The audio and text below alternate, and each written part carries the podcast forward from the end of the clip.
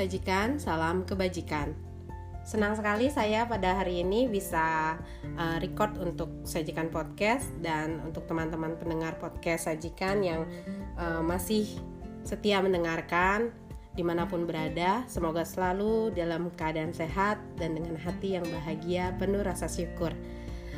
Uh, hari ini aku mau cerita bahwa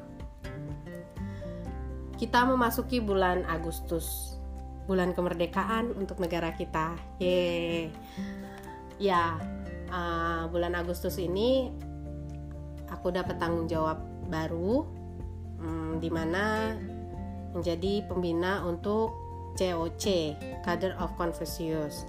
Nah, uh, selama bulan Agustus ini aku juga dibantu sama teman-teman yang muda-muda ya masih fresh fresh uh, untuk melaksanakan kegiatan ini dengan sebaik-baiknya. Karena kita masih masa pandemi ya.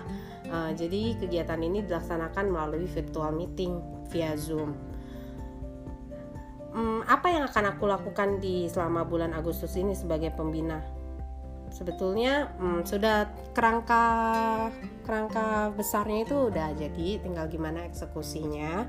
Uh, tapi hal yang ingin aku sampaikan di sajikan podcast kali ini adalah aku benar-benar merasa sangat beruntung memiliki sebuah buku uh, peninggalan dari mendiang Bapak Bratayana Ongkowijaya Sientause uh, di mana beliau meninggalkan warisan yang menurut aku tuh sangat berharga sekali ya.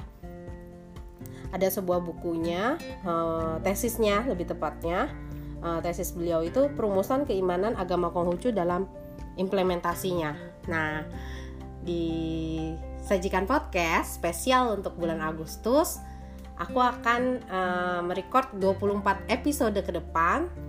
Sebuah uh, setiap episodenya uh, menjelaskan atau menceritakan ilustrasi dengan pembahasannya.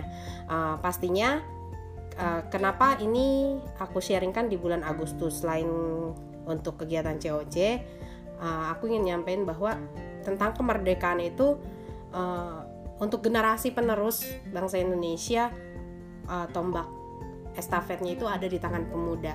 Nah kadang-kadang aku nggak bilang semua, tapi kadang-kadang uh, pemuda pemuda inilah yang memproklamirkan uh, bahwa mereka ingin sebuah kemerdekaan di masa-masa pemuda menjadi seorang pemuda pemudi itu biasanya uh, penuh dengan ide-ide yang brilian tetapi juga tidak menyukai sebuah kekekangan atau sebuah uh, apa ya ikatan kontrol lah seperti itu uh, mudah-mudahan aku salah tapi yang aku lihat uh, seperti itu. Opini pribadi ya opini pribadi.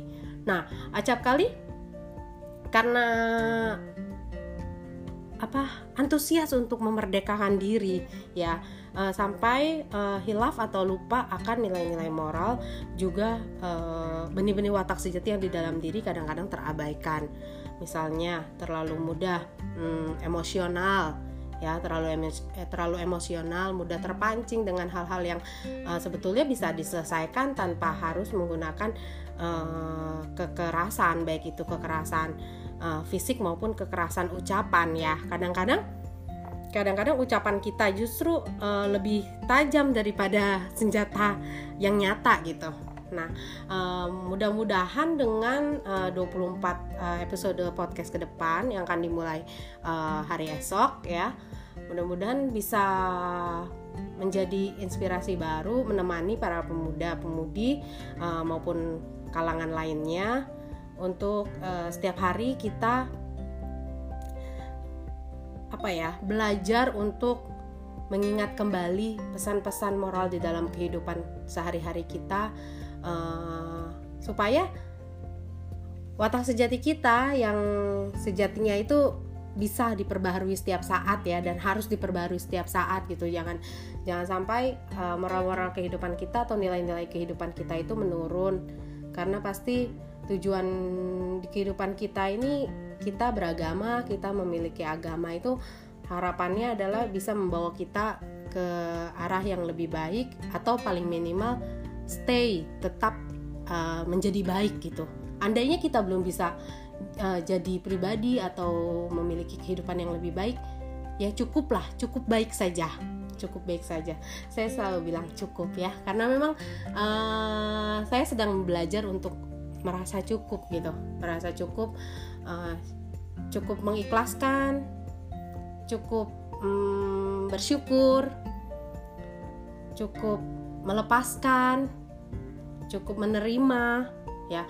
Uh, semua dibuat cukup supaya kita uh, apa bisa mengingat untuk selalu bersyukur uh, kita ada di peran yang saat ini sedang kita jalani Oke, uh, itu aja. Takut nanti semakin melebar dan akhirnya jadi curcol-curcol ya, curcol-curcol yang lainnya. Pasti uh, saya sangat bersyukur dan saya sangat sedang merasa uh, bahagia atas kesempatan yang diberikan dan semoga uh, bisa selalu konsisten dengan apa yang saya ucapkan dan saya rencanakan sehingga kesuksesan kesuksesan dalam tanda kutip persepsi saya bisa tercapai.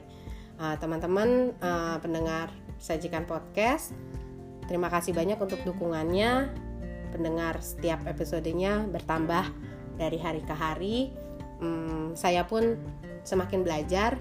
Mudah-mudahan uh, bisa memiliki progres yang jauh lebih baik baik itu dalam penyampaian kepada para pendengar juga untuk improve diri saya sendiri juga.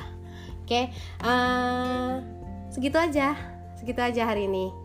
Ya, jangan lupa kepada teman-teman pendengar podcast pemuda-pemudi Konghucu jangan lewatkan untuk mengikuti kader of Confucius setiap hari Minggu pukul 11 uh, eh, yang undangannya akan di-share via media sosial. Di sana kita akan bertemu secara virtual bersama-sama pemuda-pemudi seluruh Indonesia, umat Konghucu. Sajikan salam kebajikan dari saya Novita Chong.